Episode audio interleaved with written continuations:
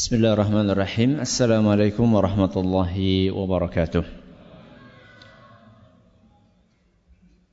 الحمد لله وكفى والصلاة والسلام على رسوله المصطفى وعلى آله وصحبه ومن اقتفى أما بعد Kita panjatkan puja dan puji syukur kehadirat Allah Tabaraka wa Ta'ala Pada kesempatan malam yang berbahagia kali ini Kita kembali diberi kekuatan kesehatan, hidayah serta taufik dari Allah Jalla wa Ala sehingga kita bisa menghadiri acara pengajian rutin untuk membahas adab dan akhlak di dalam Islam.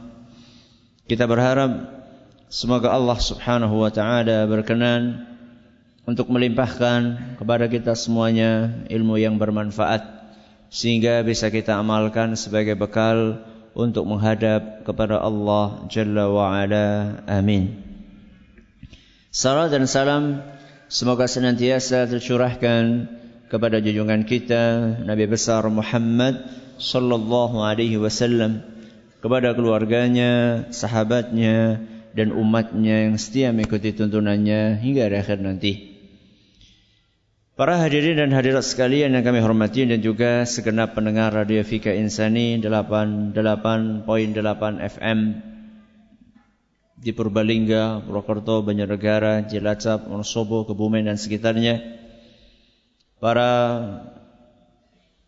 pemirsa Yufi TV dan Surau TV yang semoga senantiasa dirahmati oleh Allah Azza wa Jalla.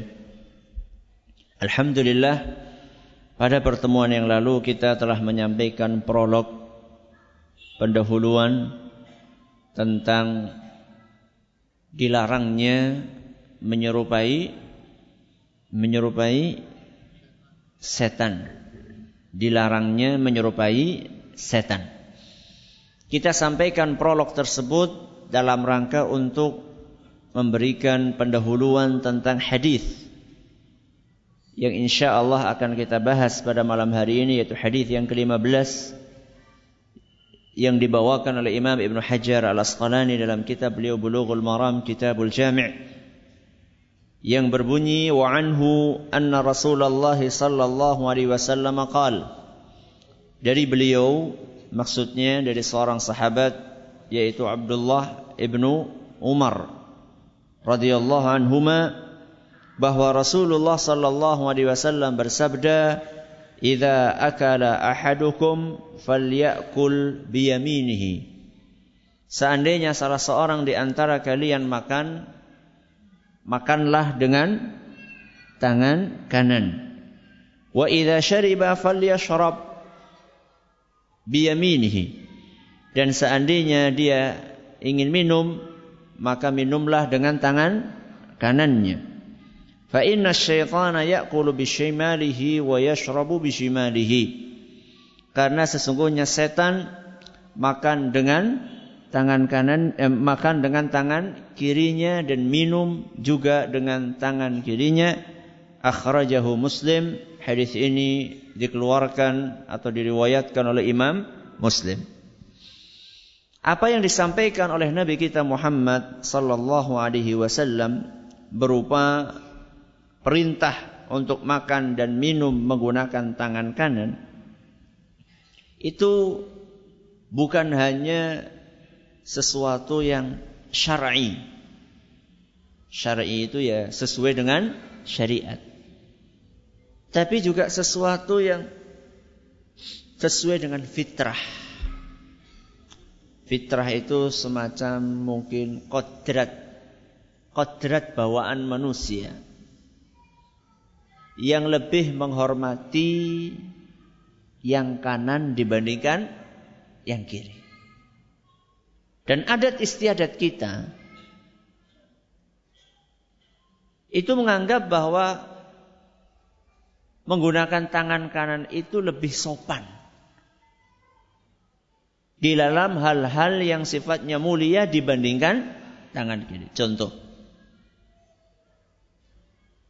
guru matematika. Guru matematika. Bukan guru agama ya. Guru apa? Matematika. Ketika melontarkan sebuah pertanyaan kepada siswanya.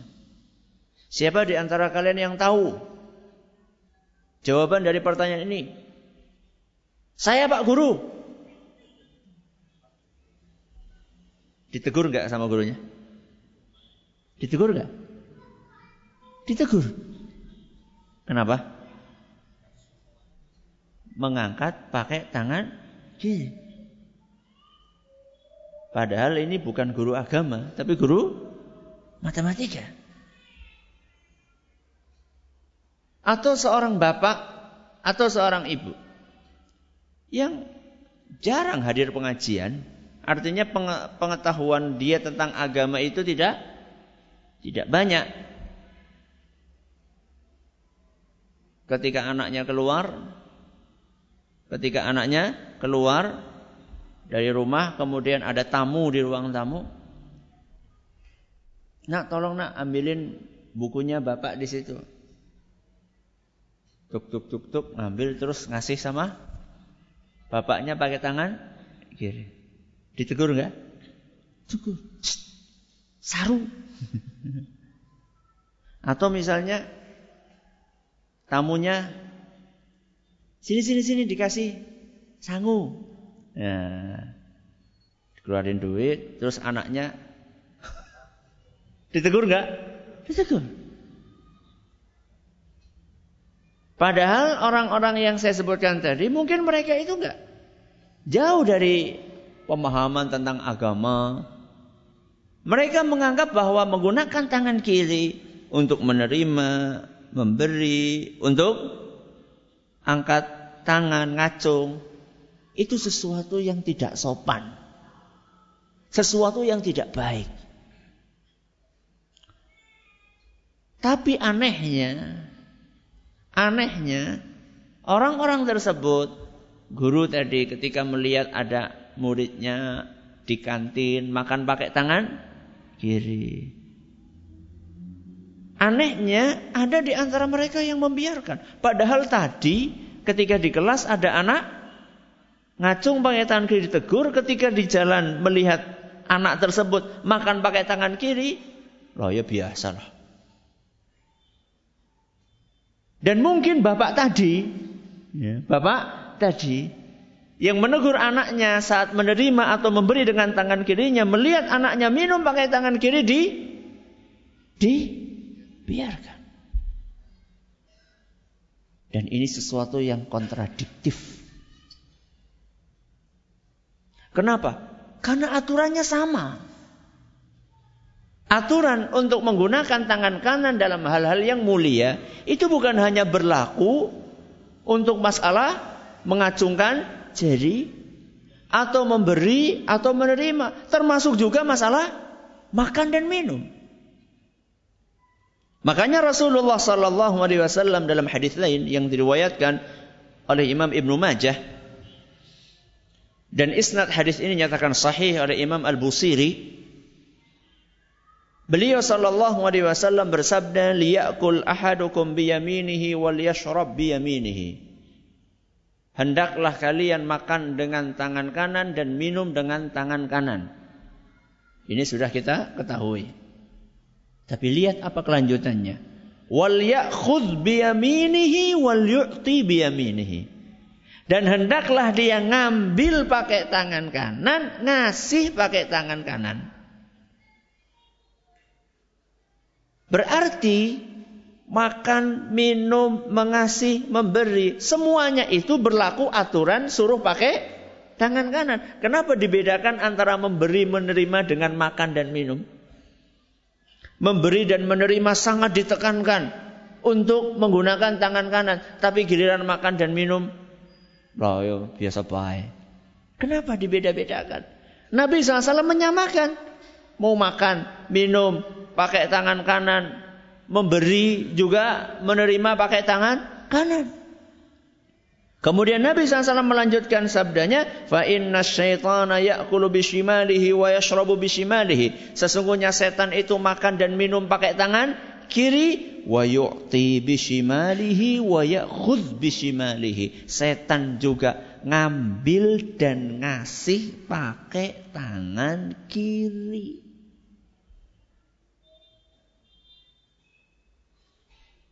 Kenapa ya?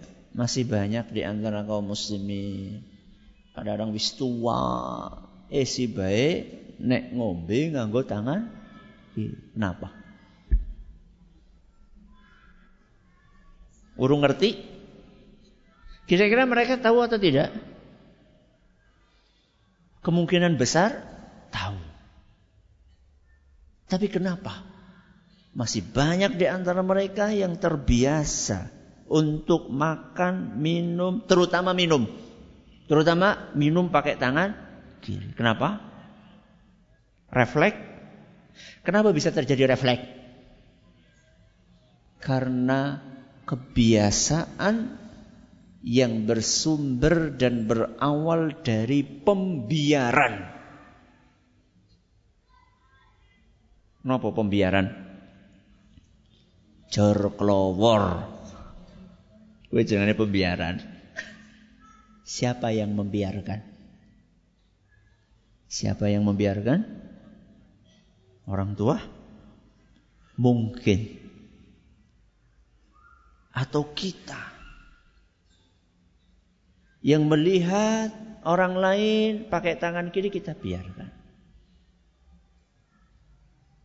Saya tanya, pendidikan anak itu tanggung jawabnya siapa?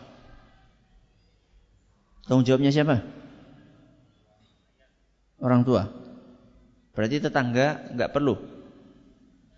Tanggung jawab utamanya ada di tangan bapak dan ibu. Tapi seharusnya kita itu peduli dengan lingkungan kita. Dan ini yang berusaha untuk kami terapkan di lingkungan kami. Sekeliling pondok. Saya nggak peduli itu anaknya siapa. Tapi kalau saya ngelihat anak ini minum, makan pakai tangan kiri atau berdiri, saya tegur. Nggak peduli itu anak saya atau bukan anak saya. Kenapa? Karena saya ingin anak saya digitukan sama orang lain. Jenengan kalau anak yang jenengan berbuat salah terus ditegur sama orang lain, jenengan seneng apa marah? Temenon. Atau malah, "Ge, urusan urusan gue anakku, udah anakmu." Seperti itu? Salah. Harusnya kita seneng bahwa ada orang yang peduli dengan anak kita. Tapi ya tetap dengan cara yang baik, ya tetap dengan cara yang baik itu harus, ya.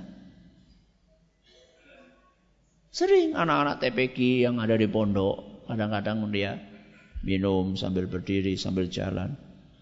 Tegur, nak, loh kok sambil berdiri? Kok pakai tangan kiri? Harus kita lakukan pembiasaan versus pembiaran. Ya. Pembiasaan untuk kebaikan akan mengantarkan kepada kebaikan. Pembiaran terhadap keburukan akan mengantarkan kepada keburukan. Makanya Rasulullah Sallallahu Alaihi Wasallam dalam sebuah hadis yang diriwayatkan oleh Imam Bukhari dan Muslim, beliau membiasakan seorang anak kecil yang bukan putra beliau, bukan cucu beliau, seorang anak kecil yang sering membantu Nabi SAW. Sering masuk ke rumah Nabi SAW. Dibiasakan sama beliau, bukan anaknya, bukan cucunya. Namanya Umar bin Abi Salamah. Siapa namanya? Umar bin Abi Salamah. Nabi SAW pernah nasihati ya gulam. Ya gulam. Apa ya gulam? Le. Kata orang Jawa. Kalau perempuan? Duk. Ya. Atau orang Indonesia mengatakan nak. Ya gulam. Samillaha. Kalau makan baca bismillah. Wa kul biyaminika makan pakai tangan kanan. Wa kul mimma yalika makanlah makanan yang terdekat. dekat. Hadis riwayat Bukhari dan Muslim. Etika diajarkan sama Nabi SAW sejak kecil. Allah bisa karena biasa. Yang repot itu sudah terbiasa ditegur nggak mau. Geng, geng, si. Apalagi yang negur anak kecil. Anak kecil itu muridnya lagi. Pak guru. Nah, kok minumnya pakai tangan kiri? Kira-kira jawabannya Pak guru apa?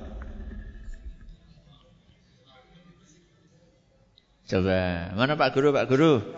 Jawabnya apa kira-kira Pak guru? Apa? Matur nuwun? Temenan gitu. Oh, Pak Guru yang saleh. Nek orang saleh bre. Berisik. Kayak gue. Hati-hati. Hati-hati dengan sifat sombong. Ini kejadian saya akan ceritakan pada zaman Nabi SAW. Sebuah kejadian yang dituturkan oleh saksi mata yang melihat kejadian itu. Yang melihat kejadian itu adalah sahabat namanya Salamah. Siapa? Salamah. Laki-laki apa perempuan? Laki-laki apa perempuan? Saya lanjutkan ya. Salamah bin ya mesti lanang masa wadon. Salamah bin Akwa. Siapa? Salamah bin Akwa radhiyallahu anhu. Beliau cerita. Anna rajulan akala inda Rasulullah sallallahu alaihi wasallam bishimalihi. Beliau cerita pada suatu hari ada seseorang makan pakai tangan kiri di hadapan Nabi SAW. Perbuatan positif atau negatif? Negatif, perbuatan jelek. Nabi diam? Tidak. Faqala Nabi SAW menegur kul biyaminika. Makanlah dengan tangan kanan. Apa jawabannya? La astati'. Wahai Nabi, saya nggak bisa. Saya nggak bisa.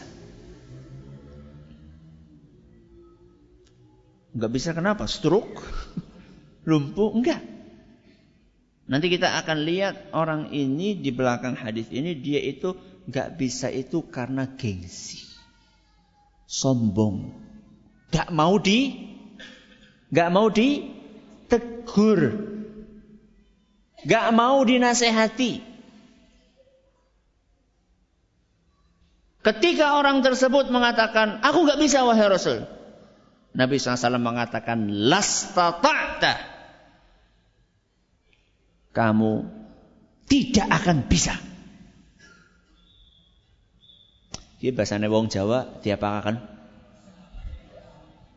Didoakan jelek. Lastata'ta kamu tidak akan bisa. Ma mana'ahu illal kibr.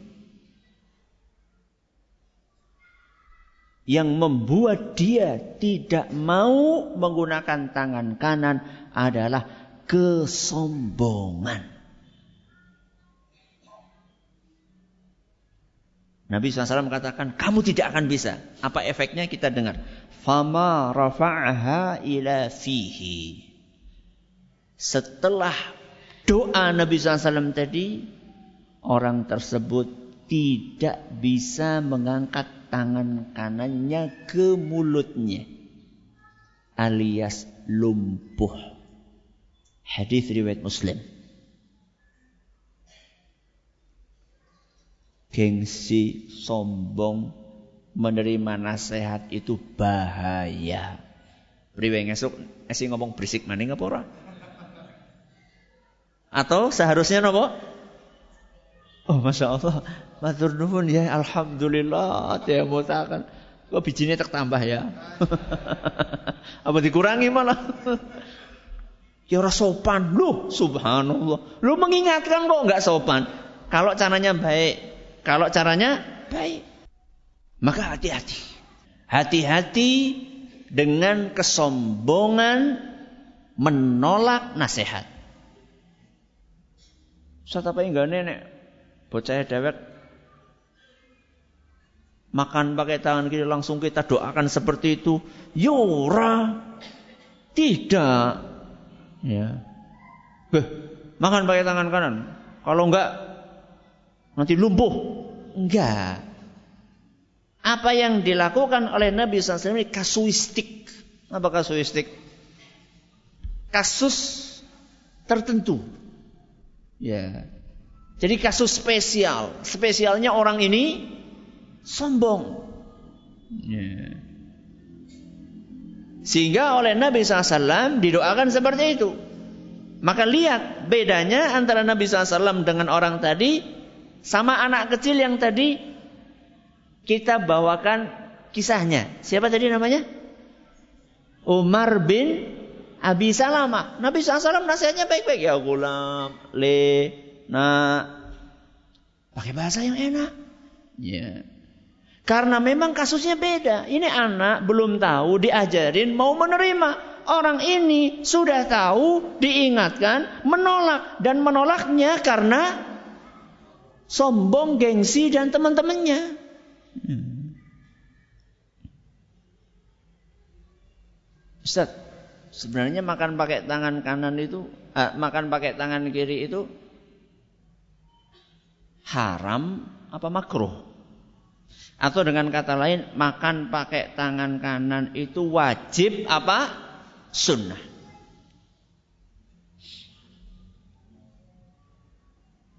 Haram apa makruh? Ini saya perhatikan jadi lebih hati-hati sekarang. Jamaah. Enggak kayak dulu. dulu langsung terus.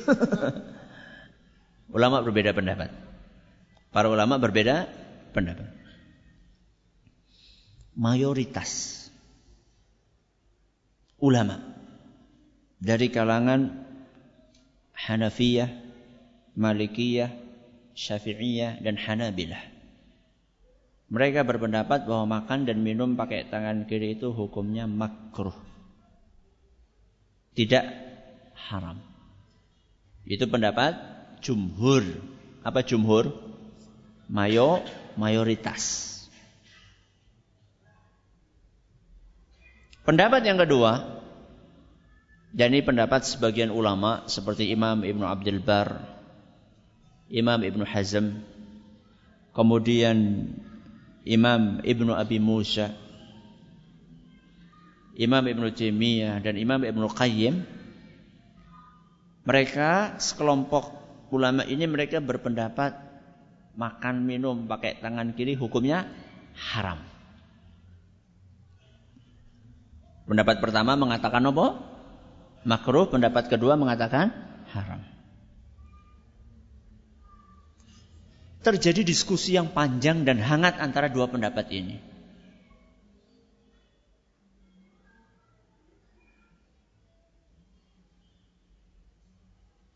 Masing-masing punya argumen.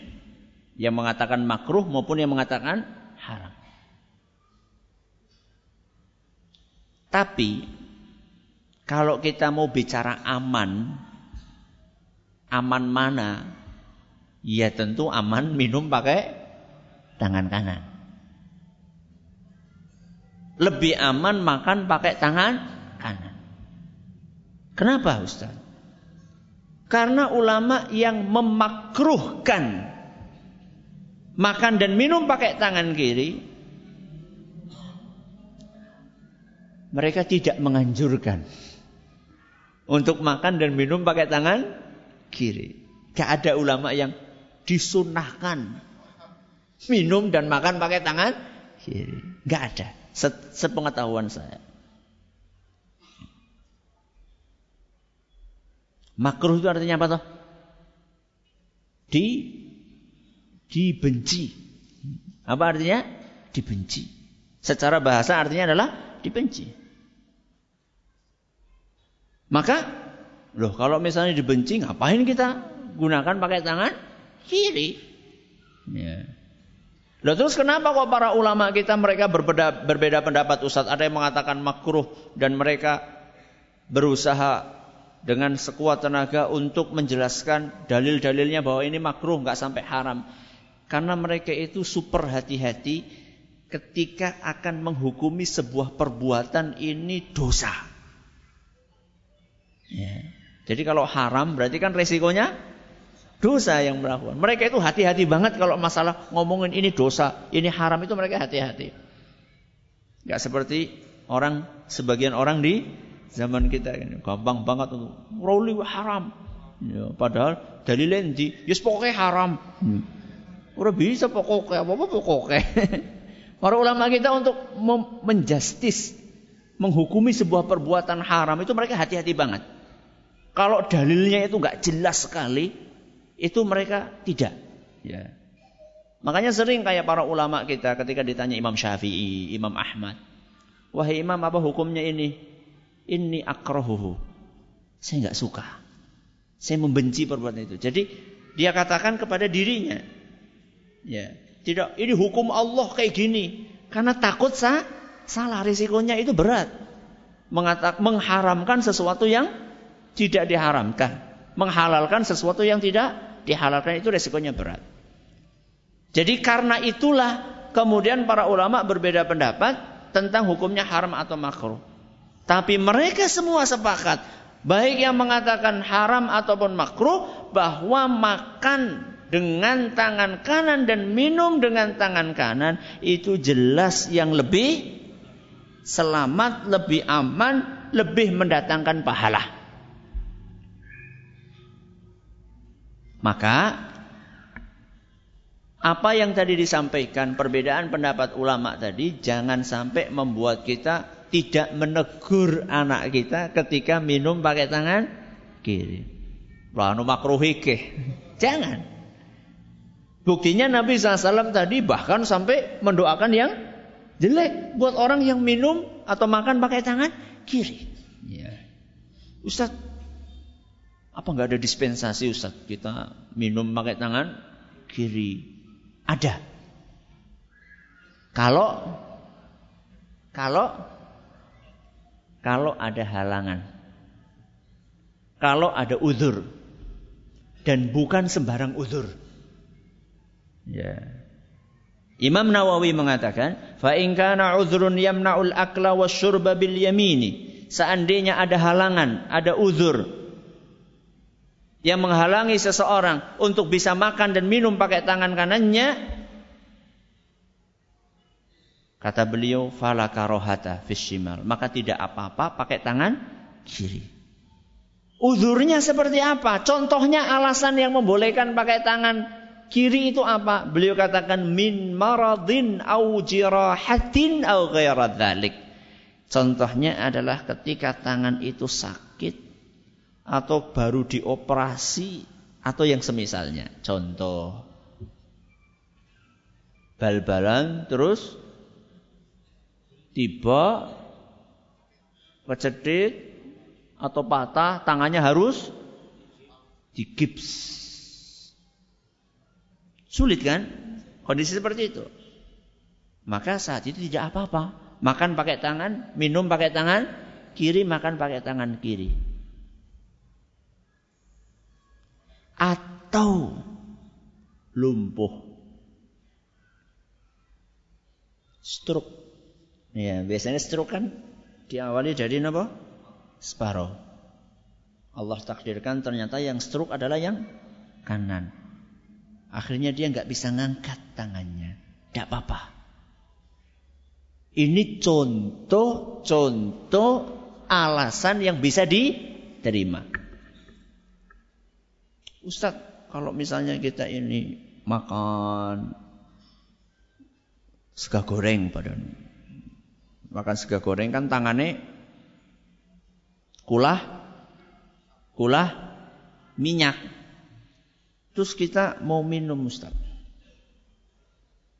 Kalau kita minum pakai tangan kanan nanti gelasnya kotor. Itu alasan yang bisa diterima untuk minum pakai tangan kiri atau tidak. Pernah mengalami? Pernah? Apa yang jangan lakukan? Minum aja. Iya, maksudnya minum aja pakai tangan apa? Kanan atau kiri? Dua-duanya. Priwe kayak gini. Berapa ya? Kayak gini. Gitu. Atau kayak gini. Kata para ulama, selama masih bisa tangan kanan, jangan pakai tangan kiri. Gimana caranya Ustadz? Mungkin ini gelasnya gede banget. ya. Misalnya kan tangan kotornya di sini, mungkin bisa pakai seperti ini. Ya. Wah, nanti wutah Ustaz. Kalau takut takut wutah, ya, kita sangga dengan dengan apa namanya? Ini apa namanya? Telapak tangan kanan. Kemudian boleh kita bantu nanti kita akan bahas tentang hukum minum pakai dua tangan. Hukum minum pakai dua tangan. Nanti kita akan bahas. Boleh dibantu seperti ini. Ustaz angel. Angel. Anggo tangan kanan baik. Sudah pakai tangan kanan, minum. Bismillah. Kotor Ustaz. Oke, kotornya kotor najis ya Pak? Satu. Yang kedua, gue kotor bisa dikumbah apa orang? Saya tanya, jenengan habis minum, itu gelasnya nanti akan dicuci atau tidak? Dicuci ya sudah. Lo mau ngarep di cuci iki.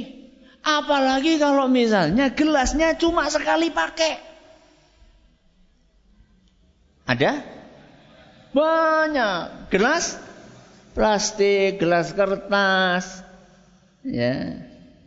Yang biasa dipakai dalam acara-acara ya entah walimah, entah apa. Itu gelas mau dibuang. Warang burung harus dibuang. Dotokan lombok kotor lah. Jadi kata para ulama ini keterangan dari Syekh bin Utsaimin. Pertama, kalau masih bisa pakai tangan kanan, tangan kanan saja. Yang kedua, kalau nggak bisa, wah Sulit Ustadz pakai cara-cara tadi. Ya sudah, dipegang seperti biasa. Kotor Ustadz, kotornya bukan kotor najis. Kemudian jawaban berikutnya, kalaupun seperti itu, kotor bukan najis, itu pun nanti bakalan dicuci. Bahkan dalam kondisi yang lainnya, gelas sekali pakai, setelah dipakai bakalan dibuang. Makanya ada seorang ulama lain mengatakan menjawab orang yang mengatakan nanti kalau pakai tangan kanan gelasnya kotor. Apa kata beliau? Lebih baik mengotori gelas daripada mengotori sunnah Rasul Sallallahu Alaihi Wasallam. Apa kata beliau? Lebih baik mengotori gelas daripada mengotori sunnah Rasul SAW.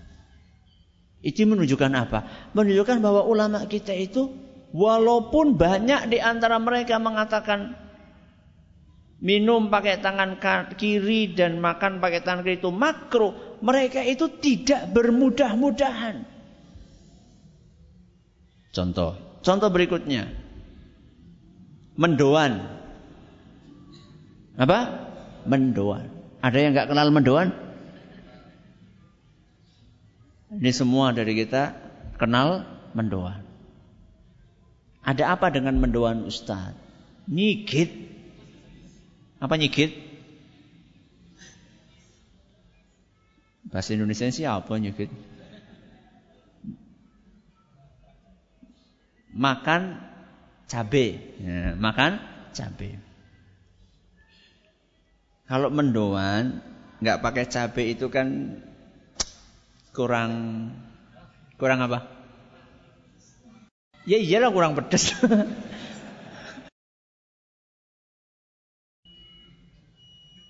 kurang mantep. kurang mantep. Kita akan bahas habis azan insyaallah.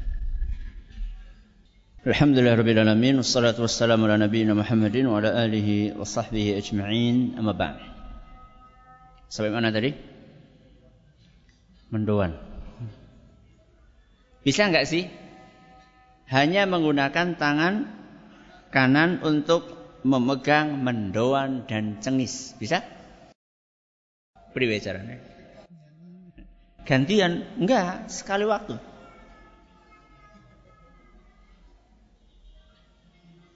Orang nak cengis, orang mendoan nih. Saya kasih contoh. Anggaplah ini mendoan. Dan ini cengis. Anggap saja ini men, ini ceng, ini mendoan, ini cengis. Bisa. Ini mendoan. Mendoan. Terus cengisnya di mana? Hah. Bisa? Bisa. Mendoan, cengis. Perhatikan nih. Gua praktek nunggu rumah ya. Ya nggak mesti mendoan, Pak. Wan tahu. Intinya gorengan. Bisa seperti ini? Jadi mendoanya pakai tiga jari atau mau marem empat jari, ya jempol, jari telunjuk, jari tengah, jari apa manis. Sedangkan cabenya dipegang dengan satu jari yaitu jari kelingking, kemudian ditempelkan ke eh, permukaan telapak tangan. Ah, angel temen, angel temen wis brukaken mendoane. Bukan nggak dimakan, makan. Makan mendoan, bruk ngambil cengis bruk. Apa sulitnya sih? Kenapa mesti harus kayak gini? Kayak ngapa ya? Ini masalah mendoan. Ya, masalah mendoan. Jadi masih bisa. Masih bisa untuk menggunakan tangan kanan. Kalau kidal. Apa? Kidal. Ada sebagian orang terbiasa atau memang bawaan untuk menggunakan aktivitas-aktivitasnya dengan tangan kiri. Alias manusia kidal. Ini bagaimana Ustaz? Pertama, kita memahami bahwa kidal adalah sebuah kelainan. Sebuah nopo? Kelainan. Karena tidak sesuai dengan keadaan normalnya manusia. Normalnya manusia itu pakai tangan karena nulis, kemudian eh, makan, ya, memberi, menerima itu normalnya pakai tangan kanan. Ada sebagian orang bawaan sejak lahirnya adalah kidal.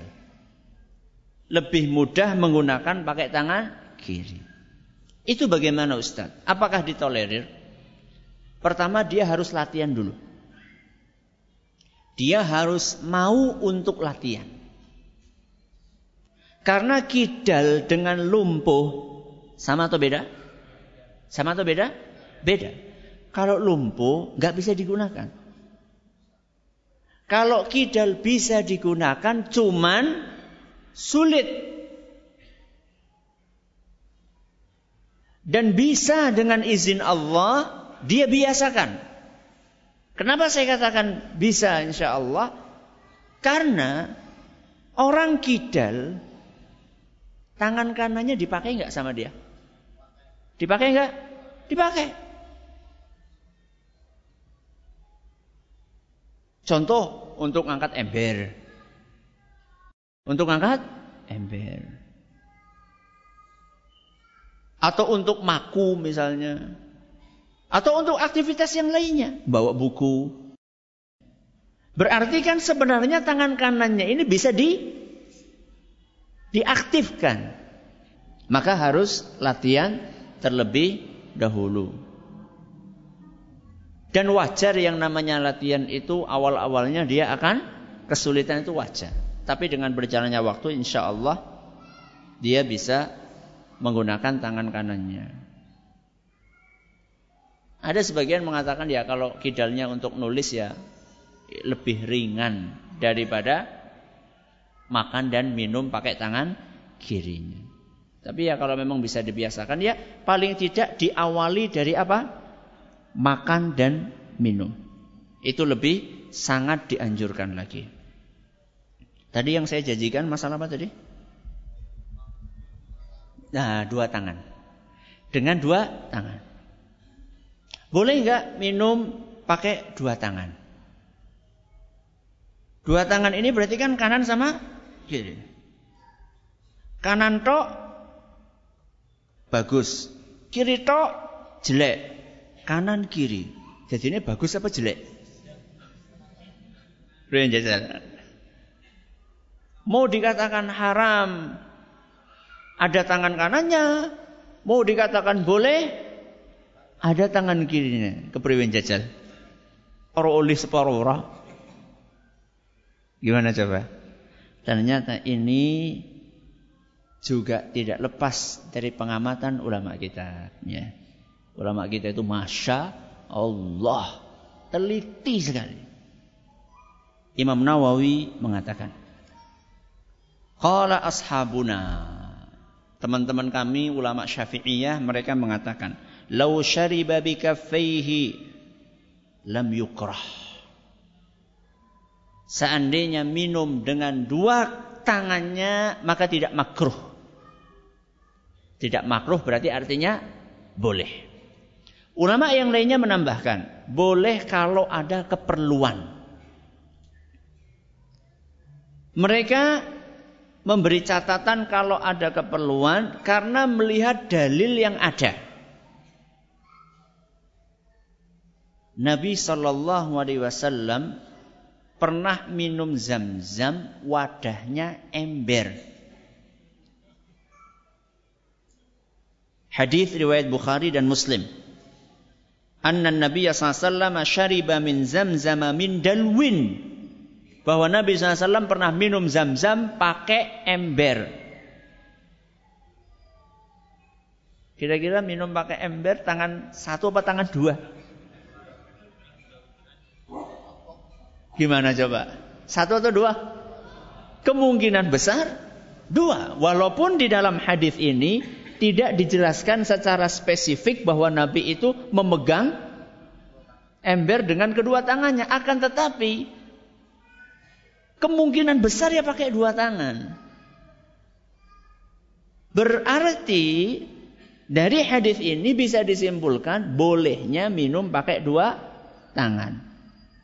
Kalau ada kebutuhan. Kebutuhannya apa tadi? Tempatnya besar. Sehingga sulit untuk menggunakan satu tangan. Cara dewek contohnya apa? Dawegan. Apa? Dawegan. Beri jajal dawegan. Hmm. Gini. Wangel mbok. Atau kayak gini. Wah ya. Buta. Maka tidak apa-apa pakai tangan dua minum. Hukumnya boleh. Ya, hukumnya boleh. Kalau apa tadi? Ada keperluan. Selesai pembahasan kita pada malam hari ini. Kita ulang ya e, ringkasannya. Jadi makan dan minum pakai tangan kanan itu adalah akhlaknya seorang muslim. Makan dan minum pakai tangan kiri itu kebiasaannya setan harus dibiasakan sejak kecil menggunakan tangan kanan. Bukan hanya makan minum termasuk juga memberi dan menerima.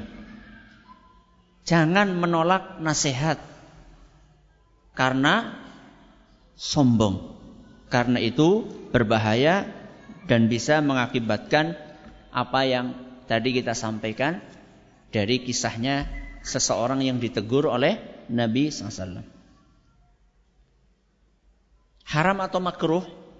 Mayoritas ulama mengatakan makruh minum dan makan pakai tangan kiri.